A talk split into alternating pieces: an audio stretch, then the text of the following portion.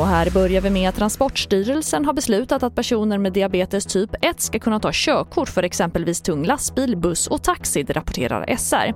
De nya reglerna innebär att en individuell bedömning avgör huruvida den som har diabetes kan beviljas körkort för högre körkortsbehörighet.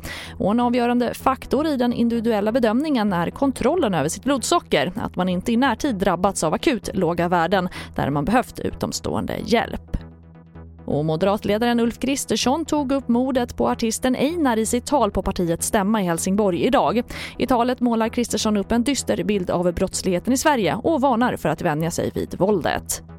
Det ska bli förbjudet att tillhöra ett kriminellt gäng. Gängen är Sveriges inhemska terrorister och de ska bemötas därefter.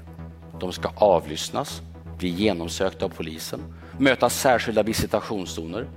Det behövs dubbla straff för gängkriminella är de utländska medborgare så ska de utvisas. Och det sa Moderaternas ledare Ulf Kristersson. Och vi avslutar med att hemsidan Blocket.se ligger nere och går inte att gå in på. När besökare på Blocket försöker gå in på sidan möts de av ett felmeddelande. Blockets kommunikationschef säger till Aftonbladet att man jobbar intensivt med att lösa problemet. TV4-nyheterna, jag heter Charlotte Hemgren.